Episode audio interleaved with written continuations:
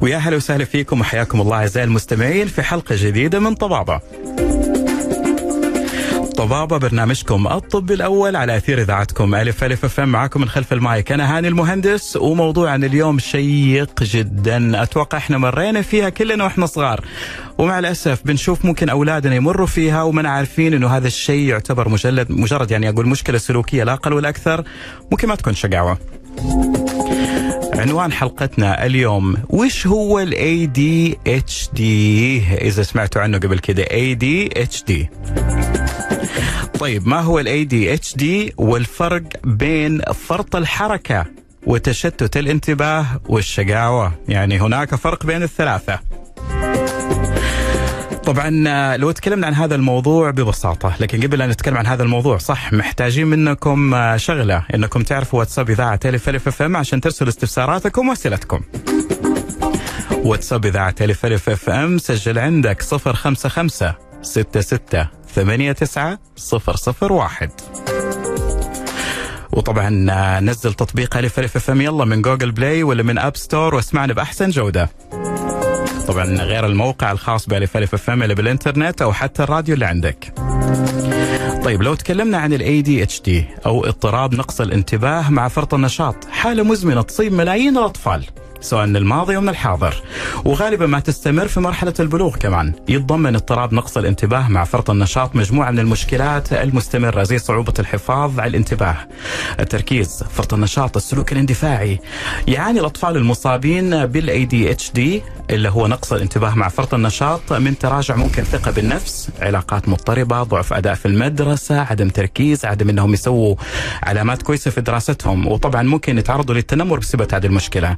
ومرات تقل الأعراض في بعض الأحيان مع تقدم العمر. ومع ذلك لا يتخطى بعض الأشخاص أعراض اضطراب نقص الانتباه مع فرط النشاط تماما لكن بإمكانهم يتعلموا استراتيجيات تكون ناجحة.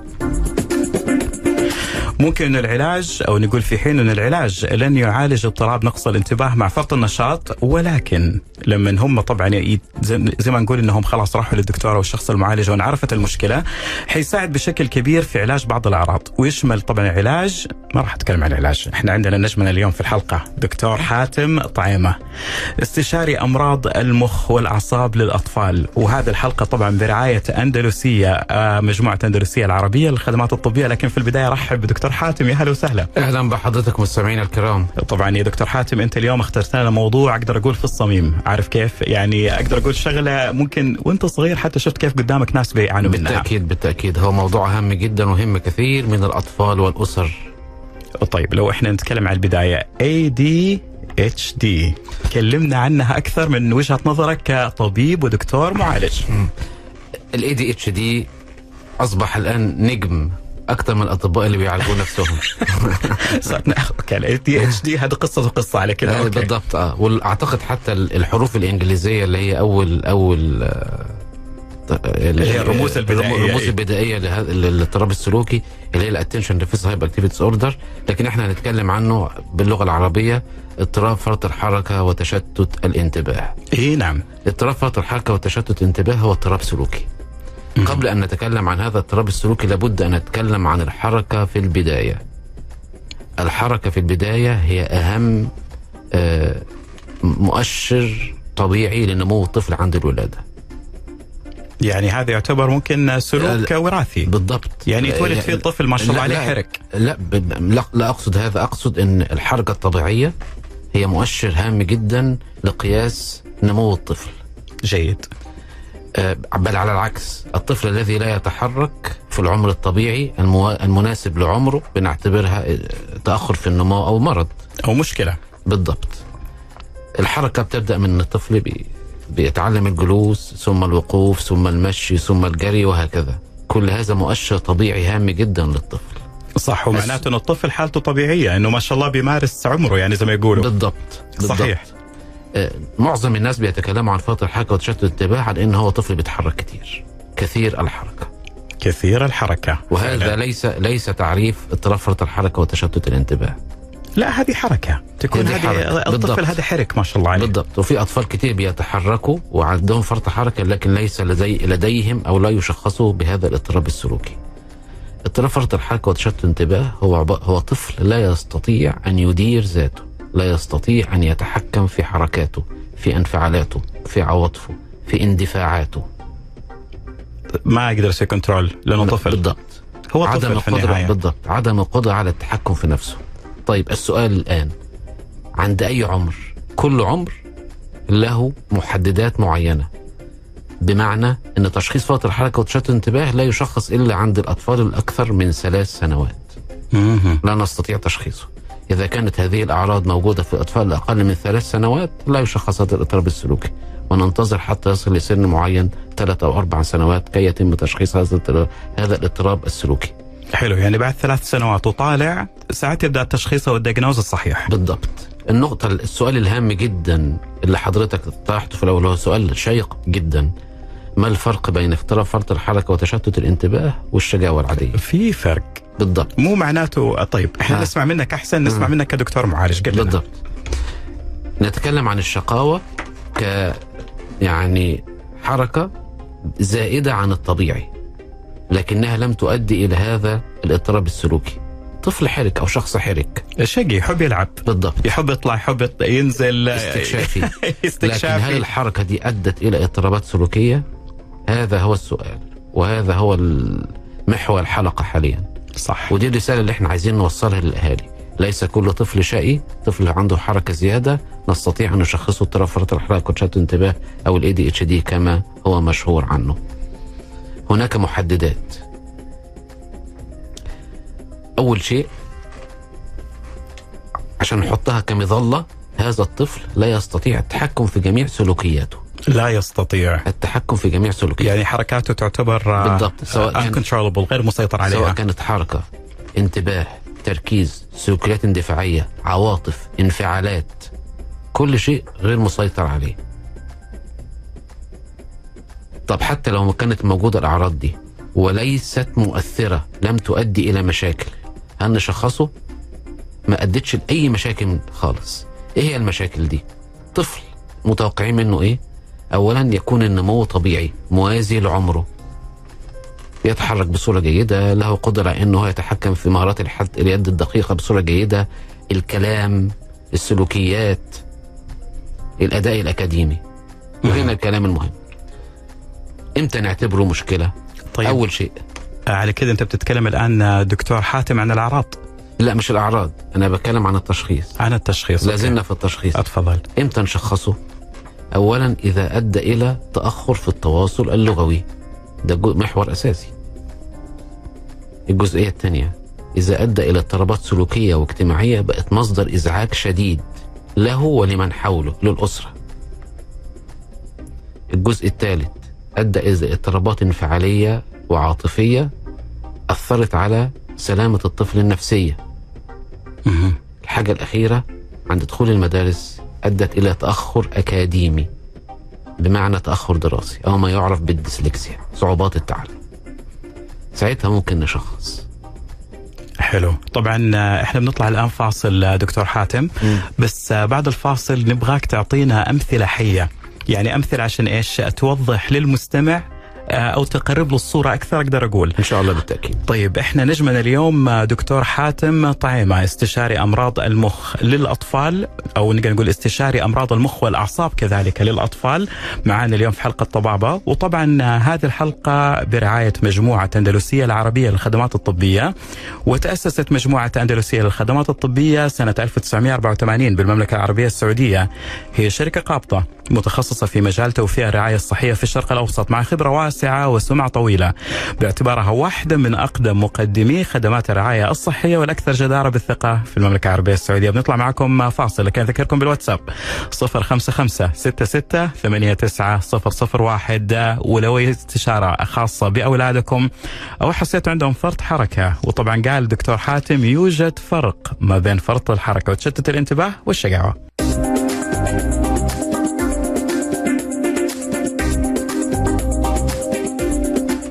طيب إحنا الآن مكملين معاكم مع برنامج طبابة على أثير إذاعتكم ألف ألف أف أم وبرنامج طبابة برنامجكم الطبي الأول عشان استشاراتكم الطبية. طبعا عنوان حلقتنا اليوم ما هو ADHD والفرق بين فرط الحركة وتشتت الانتباه ولكن إيش فرقه عن الشقاوة؟ حلو فرق بين فرط الحركة وتشتت الانتباه والشقاوة ترى في فرق كبير جدا دكتور آه، طبعا حاتم طعيمة هو نجمنا اليوم في حلقة طباب استشاري أمراض المخ والأعصاب للأطفال.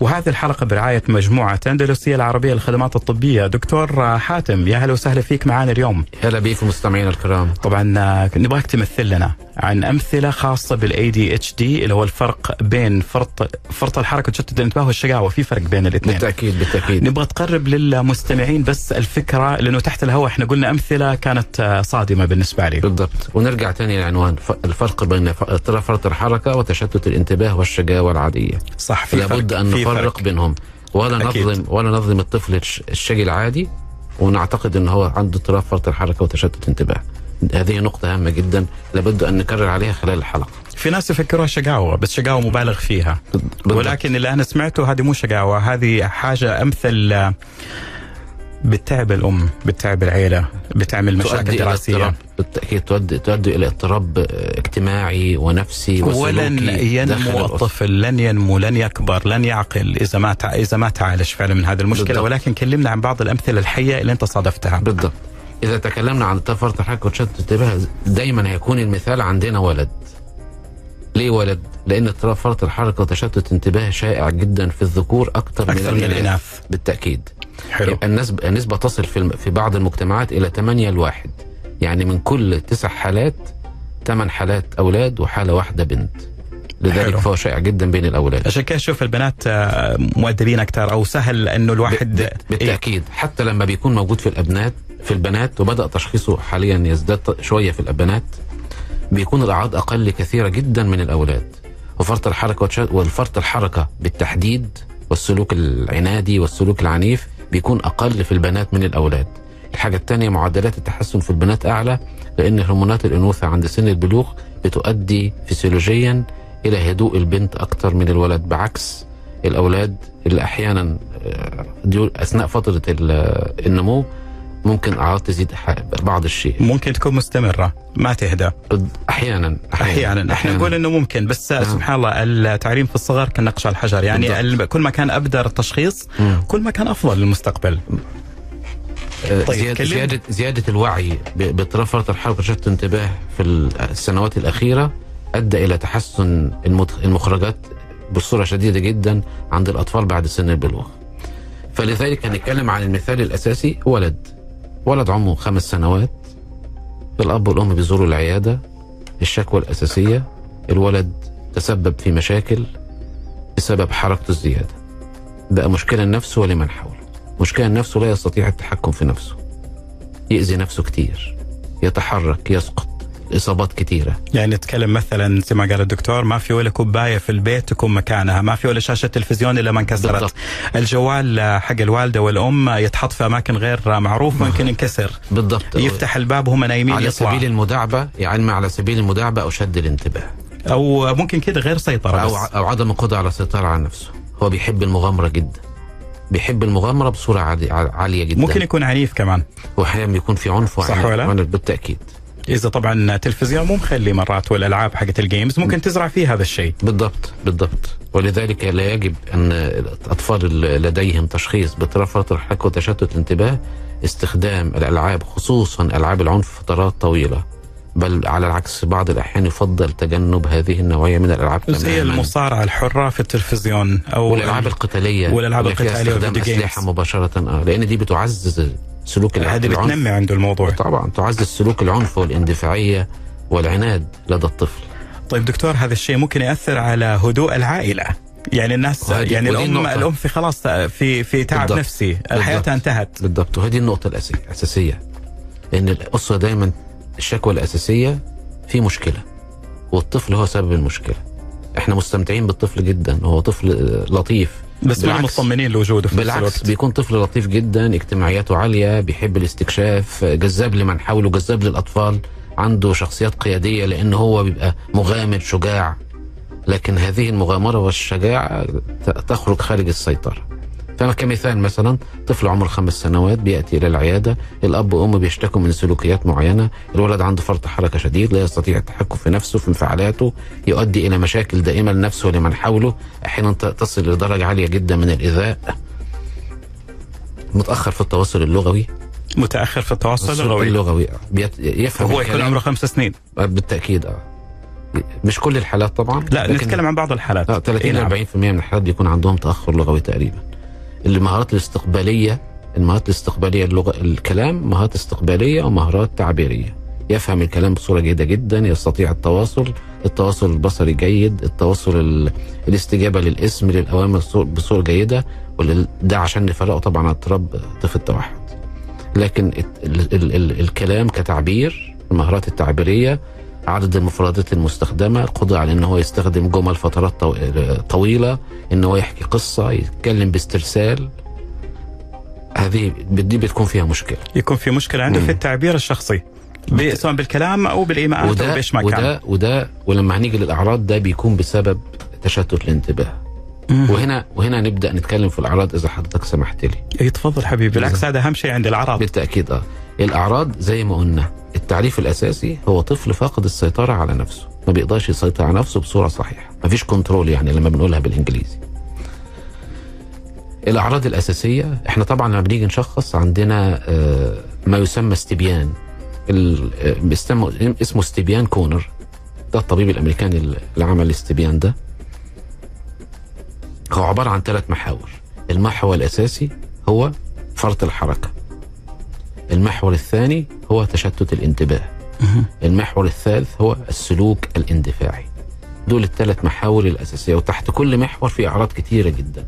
ممكن حضراتكم على ال link ترسلوا ال ال الاستبيان ده مشهور جدا وموجود باللغة العربية PDF على على على جوجل. سهل الوصول ليه جدا. حلو. هو يكتب إيش؟ استبيان كونر؟ استبيان كونر أو استبيان فرط الحركة وتشتت الانتباه باللغة العربية. تمام. يصدر بصوره واضحة جدا. وفي نسختين منه. نسخة للوالدين. إحنا لما بنعمل التشخيص استبيان من أكتر آه، جهتين بيتعاملوا مع الطفل. البيت والمدرسة. دول أكتر ناس بيتواصلوا معاه. بل العكس. المدرس أو المعلم أو المعلمة بتتواصل معاه فترات طويلة. خمس أو ست ساعات خلال اليوم. وأحيانا ثمان ساعات في المدارس الدولية مثلا. العدد الساعات بيكون فيها طويله فأكتر شخص يستطيع شخ... إنه يقدر يشخصه ويوصل للطبيب المتخصص الأعراض هو الأب. الأب والأم أو الأسرة والمعلم. في استبيان خاص بالأسرة وفي استبيان خاص بالمعلم حلو. يتم ملء هذا الاستبيان وبيرجع للطبيب أو للأخصائية النفسية اللي على أساسه بتاخد الاستبيان وتعمل له زي معالجة وتطلع منه المخرج الأساسي أو النتيجة. ودي وده ال ال ال ال ال يعني الطريق المثالي لكن في معظم الحالات معظم الأهالي بيجي وهو متأكد إن ابنه عنده فرط حركة وتشتت الانتباه. وأنا دايما بقول للأب والأم مجرد الوصول للعيادة أو وصول- طلبكم للنصيحة معنى كده إن في مشكلة. وبنسبة كبيرة جدا بيكون ال- ال- الطفل تم تشخيصه. اضطراب فرط الحركه تشتت الانتباه ده أكبر اضطراب سلوكي بي- بي- بيتعرض له الإنسان في حياته خصوصا في الح... في الفترة المبكرة من عمره. نسبته 10% في في المجتمعات من 9 ل 10% وفي بعض المجتمعات بيصل إلى 15%. وهذه نسبة عالية 10% طبعاً. وطالع تعتبر عالية مو بسيطة طبعا في المجتمعات الفقيرة أو الدول النامية اللي بتعاني مشاكل اقتصادية وما واجتماعيه عندهم القدرة على التشخيص أو بالضبط. ما في علم كافي النسبة بتزيد بتوصل ل 15%. النسبة في المجتمعات العربية من 9 ل 10%. نعم وزي ما قلنا المرض شائع جدا في الأولاد أكثر من البنات. لأنه أنت قلت من كل لو تسعة ثمانية ثمانية ذكور نسبة تقريبية. آه، بنسبة تقريبية لكن في حدود هذه النسبة. طيب آه، هل يكون غافل أغلب الوقت يعني في عالمه الخاص؟ آه هنا سؤال مهم الفرق بين فرط الحركه وتشتت الانتباه والتوحد. يعني ما يكون هو كده لوحده عارف كيف؟ لا، لا، بيحرك بالعكس. كل شيء وكده وما ما يسمع لأحد لا بالعكس هو طفل اجتماعي بيحب يتواصل يشد انتباه الناس اللي حواليه الطفل المنعزل اللي بيكون حركته آه، انعزالية أو وحدوية ده اضطراب التوحد طيب دكتور إحنا حنكمل كمان مع اسئله المستمعين لأنه في كم سؤال جالك طبعا على هذا الموضوع ولكن حنطلع فاصل بسيط نعطيك نفسك شوي. طبعا أنتم تستمعون لإذاعتكم ألف ألف أف إم ورقم الواتساب من أجل استفساراتكم على 055 66 89 001 عنوان حلقتنا اليوم ما هو ال ADHD والفرق بين فرط الحركة وتشتت الانتباه والشقاوة. مع نجمنا اليوم دكتور حاتم طعيمه استشاري أمراض المخ والأعصاب للأطفال وهذه الحلقة برعاية مجموعة أندلسية العربية للخدمات الطبية.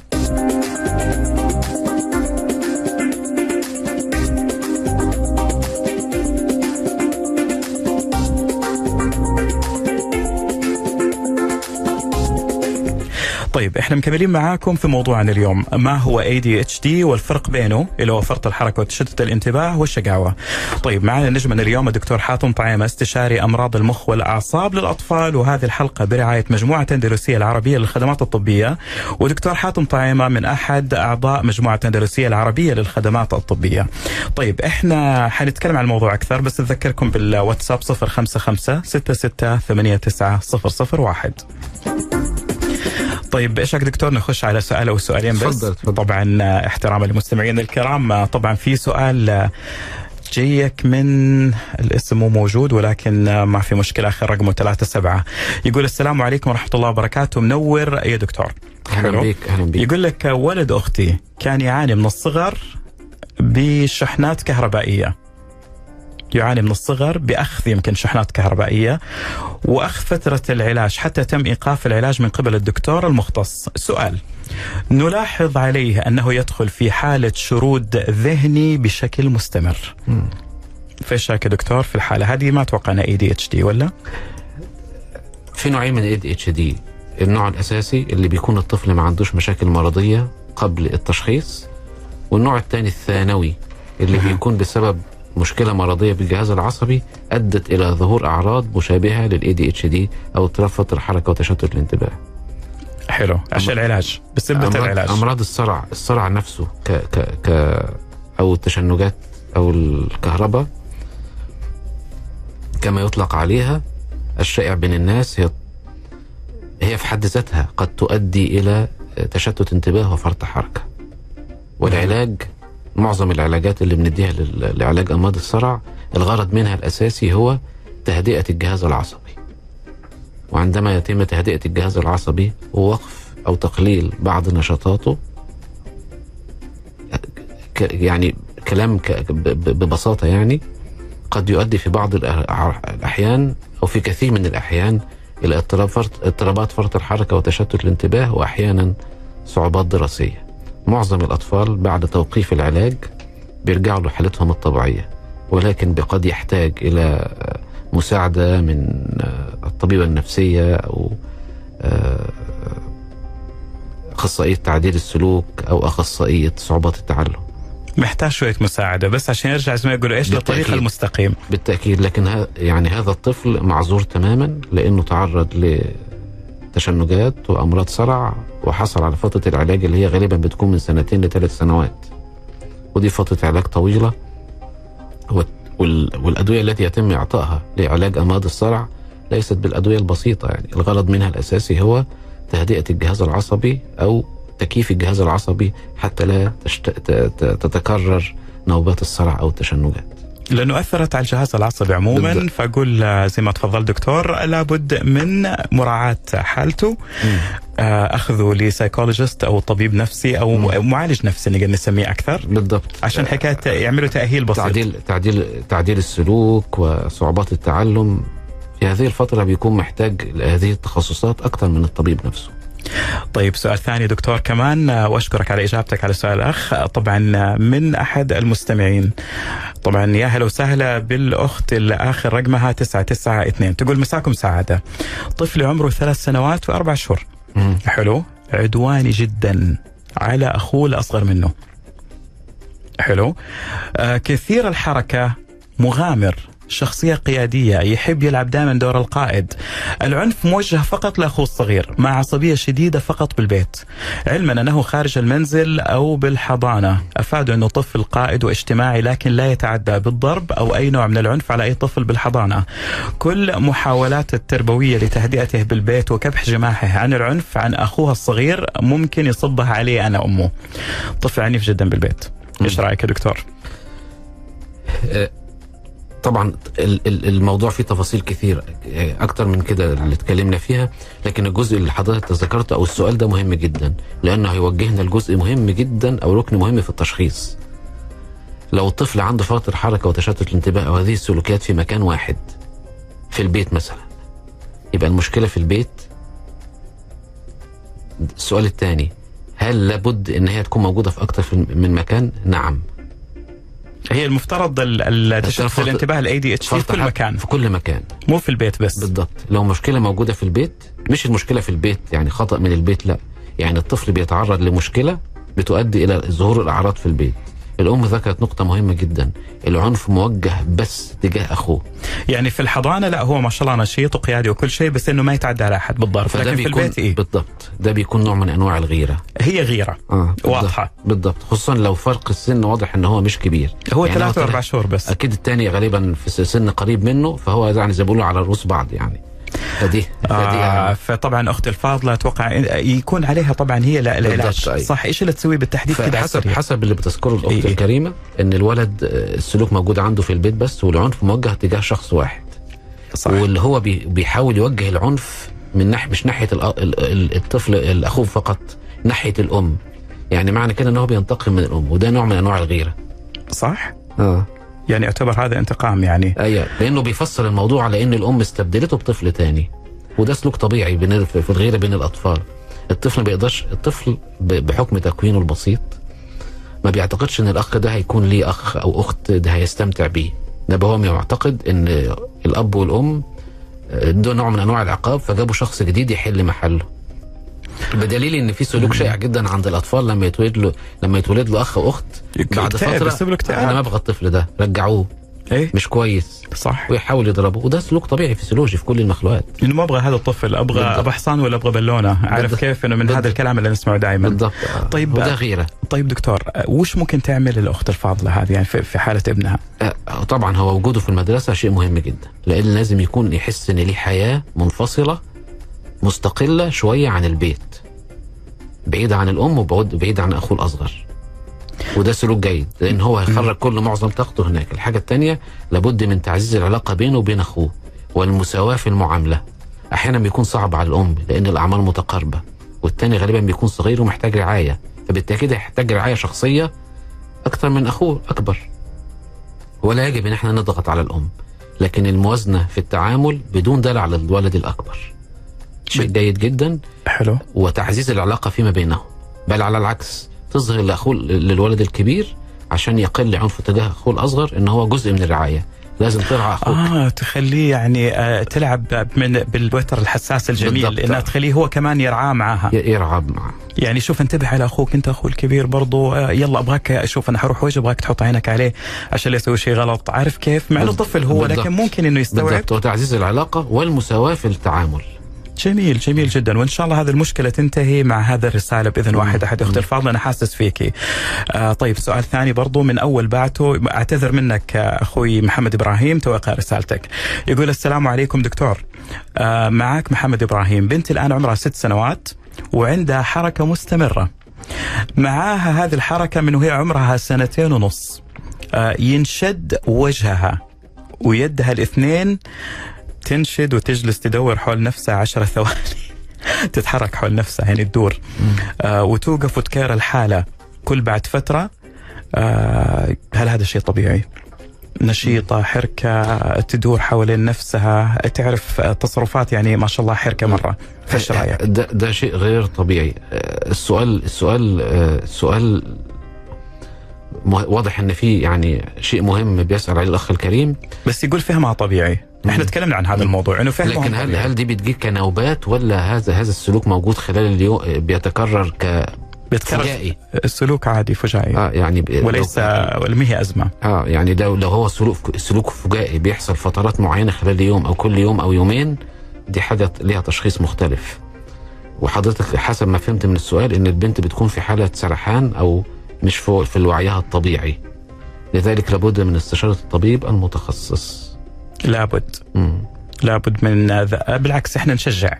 نشجع روح الطيب. طبعا أنا بكلمك الآن أخو أخي الفاضل معايا دكتور حاتم طعيمة استشاري أمراض المخ والأعصاب للأطفال بمجموعة أندلسية العربية للخدمات الطبية. إيش رأيك تزورهم في العيادة إذا حبيت؟ أنا بديك دكتور كده على الهواء.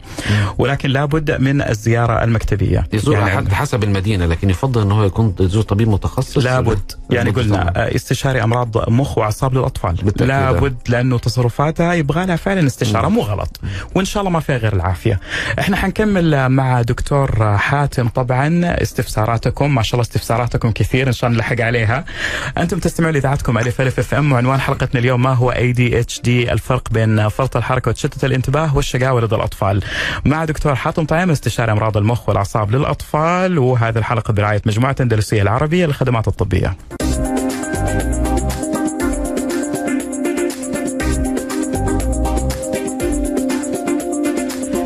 طيب إحنا مكملين معاكم ولكن بفقرتنا الأخيرة. وعنوان حلقتنا اليوم ما هو ال ADHD هو طبعا فرط الحركة وتشتت الانتباه. وبنتكلم كنا اليوم ما بين فرط الحركة وتشتت الانتباه والشقاوة العادية حقت الأطفال. هناك فرق دكتور قبل لا نقرأ الأسئلة إيش هي الشقاوة؟ لو تكلمنا عن شقاوة الأولاد الصغار. الشقاوة هي متعه متعة الطفل. لعب تلفزيون مسلسلات. بيستمتع بحياته. مش عايز ينام بدري. بالضبط. لكن إحنا بالنسبة لنا لأن إحنا وصلنا لمرحلة من الهدوء والاستقرار والسكينة بالنسبة لنا السلوك اللطيف بتاع الطفل ال- ال- السلوك العفوي يعتبر شجاوه لكن هو مش شجاوه لا يجب إن إحنا نطلب من الأطفال إن هو يكون زينا يعني لا هو ضرورة اللعب للاطفال نسخة مكررة. بالتأكيد. ضرورة آه. اللعب للاطفال هذه في سيكولوجيتهم حرام. إذا كان بيتحرك بيلعب. إحنا بالعكس لازم نشجعهم على الحركة وممارسة الرياضة. بدل من الجلوس أمام الشاشات ولعب ال- أو يا دكتور انبسط لما اشوفهم بيلعبوا بيسووا صوت أحس الوضع طبيعي وبعدين يركبوا عجل أو بسكليت أو يعني يسوي إحنا حركة حلوة. بنتكلم إحنا بنتكلم عن جزئية مختلفة وهي إن حصل اضطراب سلوكي أدى إلى أنا ما مشاكل. أبغى الناس يخلطوا ما بين الاثنين. بالضبط. والرسالة اللي يجب ان إن إحنا نخرج بها من هذه الحلقة إن حتى اضطراب فرط الحركة وتشتت الانتباه نفسه كاضطراب عند تشخيصه في ناس كتير بيعتبروه نوع من انواع التباين بين البشر ان في شخص طبيعته هادي وشخص طبيعته عصبي جدا وحركي ومندفع وده ليه وظيفه وده ليه وظيفه بالعكس هما بيكونوا في اشياء مميزه يعني معظمهم بيكونوا في الاداء الرياضي في المسابقات الرياضيه في الالعاب ال- في المسا... في ال- م- اللي لديه مو- مواهب رياضيه عاليه جدا معظمهم في ال- طبعا في فرط حركه في, آه، في التجارة والبزنس بيكون عندهم مهارات عالية جدا لأن سلوكه المغامر ال- الاندفاعي أخذ القرارات السريعة عدم خوفه بيساعده جدا في حالات كتيرة جدا. ودكتور حاتم معروف إنه أكثر من 90% من الفنانين التشكيليين والنحاتين والمبدعين عندهم اللي هو فرط حركة وتشتت انتباه يعني اللي هو إيه. مو مركز لأنه هو مبدع. بالتأكيد بالتأكيد. فأقول لأن إنه رب الإبداع- ضارة الإبداع- النافع يعني. الإبداع خروج عن المألوف. وبعدين رب ضارة نافعة. الله عز وجل يعني سبحان الله ما يضرب بعصا. يعني فيه عنده هذه المشكلة لكن سبحان الله عنده أشياء حلوة كثير. وتتعالج بكم يا دكتور. والأهم والأهم كبيرة والأهم والأهم أن الأسرة تتقبل الطفل تقبل الطفل وعدم الضغط عليه نفسيا واجتماعيا. ووضعه وضعه دايما تحت المنظار من الأسرة أسرته ال- ال- ال- ال- المباشرة الأب والأم ومن الأسرة الكبرى الأجداد والأعمام والأخوال والخالات. دي جزئية مهمة جدا. هذه الطفل ممكن بالضبط. يعاني من من حكاية الاست- يستقوا عليه لأنه من كبار. يجب احترام الطفل معرفة ظروفه عدم معاملته على إنه طفل مختلف. عدم معاملته إنه كبير هو طفل في النهاية. بالضبط بالضبط. تقبل. تقبلنا للطفل وحبه كي مثل أي طفل شيء مهم جدا. وترى إحنا بنتعلم دكتور يعني التعليم من المهد إلى اللحد. يعني بنكبر وبنتعلم إنه كيف نتعامل مع الأطفال ونحترمهم عشان يكونوا ما شاء الله يعني أفراد كويسة في المستقبل. بالتأكيد. بالتأكيد. طبعا في أحد الإخوة بيسأل عن مكان عيادتكم. طبعا مجموعة أندلسية العربية للخدمات الطبية هي راعي للحلقة وهي طبعا اللي في العيادات ودكتور حاتم طعيمه استشاري أمراض المخ والأعصاب للأطفال. ولكن وين مكانكم بالتحديد؟ أنتم هنا في جدة. حي الروابي شارع الثوري حي الروابي شارع صاري وفي مبنى مكتوب عليه شيء معين من برا آه مبنى مبنى بالكامل هو الأندلسية عيادات اندلسيه لصحه الطفل. أوكي عيادات أندلسية أندلسية لصحة الطفل. لصحة الطفل طبعا للأخ اللي من مكة اللي بيسأل عن مكانكم ونقول له إن شاء الله بالشفاء. طيب دكتور في سؤال خارج عن موضوعنا مم. لكن اطفال يعني تيجي منك حلو إنك أنت توجهه على المكان الصحيح. طبعا هو يقول الرجاء الرد ضروري يا هلا وسهلا فيك آه يقول السلام عليكم ورحمة الله وبركاته ما هو مرض اعتلال الدماغ والطفل لما يكون عنده اعتلال الدماغ والتوحد والصراع لطفل عنده أربع سنوات هل يوجد علاج؟ يا ريت توجهه أنت للطبيب الملائم. بالتأكيد احتلال المخ أعتقد هل يقصد ضمور المخ أو الشلل الدماغي؟ بالتأكيد يقصد شيء قريب من هذا. آه، الصرع آه، هو مرض حالة ثانية هذه بعيدة عن موضوعنا. آه، حالة مختلفة والتوحد كمان حالة مختلفة. والتوحد هذه يبغى لها علاج لوحدها لكن مختلفة. لكن 35% من الأطفال أو ثلث الأطفال اللي عندهم اضطراب طيف التوحد بيكونوا مصابين بالصرع. لذلك هو شيء شائع جدا عندهم. حسب ما فهمت من إن هو توجه أو حصل على علاج آه، الاستمرار في الأماكن أو المؤسسات الكبرى شيء مهم جدا لأنه يحتاج فحوصات وتحاليل متقدمة آه، قد لا تكون متوفرة في العيادات العادية لذلك أنصح الأخ الكريم بالتوجه إلى المؤسسات الكبرى ويفضل المؤسسات الحكومية الكبرى إذا كان حصل على دواء مبدئي ولم يستجب الطفل للعلاج. ممتاز. فهو يروح للمؤسسات الحكومية الكبيرة ويراجع معاهم وأقول إن شاء الله إذا كانت أزمة بتعدي عما قريب يا رب. طيب سؤال دكتور السلام عليكم. طفلي عمره ست سنوات. كثير الحركة. ما يجلس. ما شاء الله تبارك الله دائما واقف في البيت وكثير النسيان. هذا معناته تشتت انتباه. وكثير المسح اجتماعي غير عدواني. هل هذا طبيعي في هذا السن؟ كما قلنا آه، إذا كان الطفل لديه هذه السلوكيات وليست مؤثرة عليه لا نمائيا ولا لغويا ولا اكاديميا ولا دراسيا ولا سلوكيا اجتماعيا داخل البيت. ما فيش مشكلة نستمتع بهذا الطفل بالعكس ده سلوك لطيف جدا ومحبب. لكن إذا هذه السلوكيات أدت إلى هذه المشاكل مشاكل اجتماعية وسلوكية ونفسية ومشاكل أكاديمية ودراسية ساعتها نتدخل. حلو. يعني سؤالنا اللي حنختم فيه الحلقة مم. الآن دكتور لأنه الوقت مر ما شاء الله بسرعة. متى تزور الطبيب نقول للناس نخاطبهم الآن على هذه المشكلة حقت ال ADH D اللي هو فرط الانتباه والحركة. بتزور الطبيب لما بتعتقد إنها لابد أن تزور الطبيب. أول اختصرتها بالضبط أول ما أول ما الأعراض بتصل إلى مرحلة نحن لا نستطيع التحكم في الطفل. طفلنا لديه مشكلة. لابد أن نفرق هل طفلنا لديه مشكلة عادية سلوكية أو شجاوة كما ذكرت حضرتك و- ونستطيع التعامل معها بصورة بسيطة ولا نحتاج إلى طبيب متخصص يتم توجيهه. ساعتها لابد أن يزور الطبيب المتخصص. لأنه ما بيستجيب الطفل لا يستجيب وإنما إحنا جالسين كده يعني بنتعامل وبنتعب ولا يوجد أي بالتأكيد. وبين بالتأكيد. العنف مو العلاج العنف والزيارة الأبد. والزيارة بتكون بسيطة معظم الأهالي معتقد أن زيارة الطبيب هيترتب عليها أدوية أو بالعكس في حالات كتيرة ما بتحتاجش أدوية الدواء مهم جدا في علاج اضطراب فترة الحركة وتشتت الانتباه وله دور هام. لكن في حالات كثيرة بيكون فيها مجرد تعديل سلوك آه، توجيه للأب والأم تدريب للأب الأب والأم أو استشارات اجتماعية ونفسية عن طريقها يتم تدريب الأب والأم على كيفية التعامل مع الطفل سلوكيا واجتماعيا. وفي حالة أن الطفل بيكون لديه مشاكل في اللغة يتم توجيهه إلى أخصائية التخاطب المتخصصة. أو الطفل لديه مشاكل دراسية يتم توجيهه إلى أخصائية صعوبات التعلم. ممتاز. طيب دكتور في أدوية بالنسبة لحكاية ال ADHD بالتأكيد في أدوية والأنواع كثيرة جدا. يعني في أشياء ياخذها طفل عادي عمره خمس سنوات أربع سنوات ما في مشكلة؟ حسب السن بالتأكيد. وهذه طبعا في أحد الأخوة بيسأل. طبعا الأخت أحلام بتسألك تقول لك بالنسبة. هي طبعا من باب الفضول بتعرف طفل عمره أربع سنوات خمس سنوات ليش ياخذ أدوية تقول؟ آه القرار أنا دايما بقول للأب والأم غالبا القرار ما بيكونش من الطبيب بالعكس. الأب والأم أحيانا بيلحوا على الطبيب إحنا محتاجين علاج. طيب الأدوية هذه إيش تسوي. بالتحديد بتهديه يعني ولا إيش بتعمل؟ في أدوية. يعني سؤال كده الأنواع, عام. الأنواع كثيرة. مش عايزين ندخل في تفاصيل لأنها تحتاج لا إحنا كثيرة. كلام كده سطحي. وعام. في أدوية غرضها بتكون أدوية نفسية بتستخدم في الكبار لعلاج أمراض نفسية. أحيانا بيتم استخدامها في الأطفال لتهدئة الحركة وال... والتحكم في السلوك العدواني أو السلوك الاندفاعي دي أدوية نفسية. في أدوية منشطة للجهاز العصبي وأدوية منبهة للجهاز العصبي. جميل. يعني مم. تودي عنه حكاية التشتت هذه. بالضبط. تساعد بتحسن تشتت الانتباه وتحسن آه، من الأداء الدراسي وقدرته على التركيز والانتباه. وزي ما بنقول برضه في نقطة عايز أختم بيها. إحنا لما بنقيس التركيز لا نقيس التركيز ودي رسالة مهمة لا نقيس التركيز في الأشياء المحببة للطفل. الاب والام بيقولوا الولد بيركز كويس لكن إحنا بنقيس التركيز في الأشياء غير المحببة للطفل. لما يقعد يذاكر بيعرف يقدر يذاكر يركز ولا لأ؟ لما بنقعد نعلمه مفردات أو كلمات جديدة أو أسماء الألوان أو أسماء الصور أو أسماء الحيوانات أو بدايات الحروف بيقدر يركز ولا لأ؟ لكن في النشاط العادي المستمتع اللي هو الطفل بيستمتع بيها يركز زي الألعاب التلفزيون إلى آخره. لكن هل بيقدر يركز على نشاط غير محببة ليه ومرفوضة منه؟ ده جزء مهم جدا.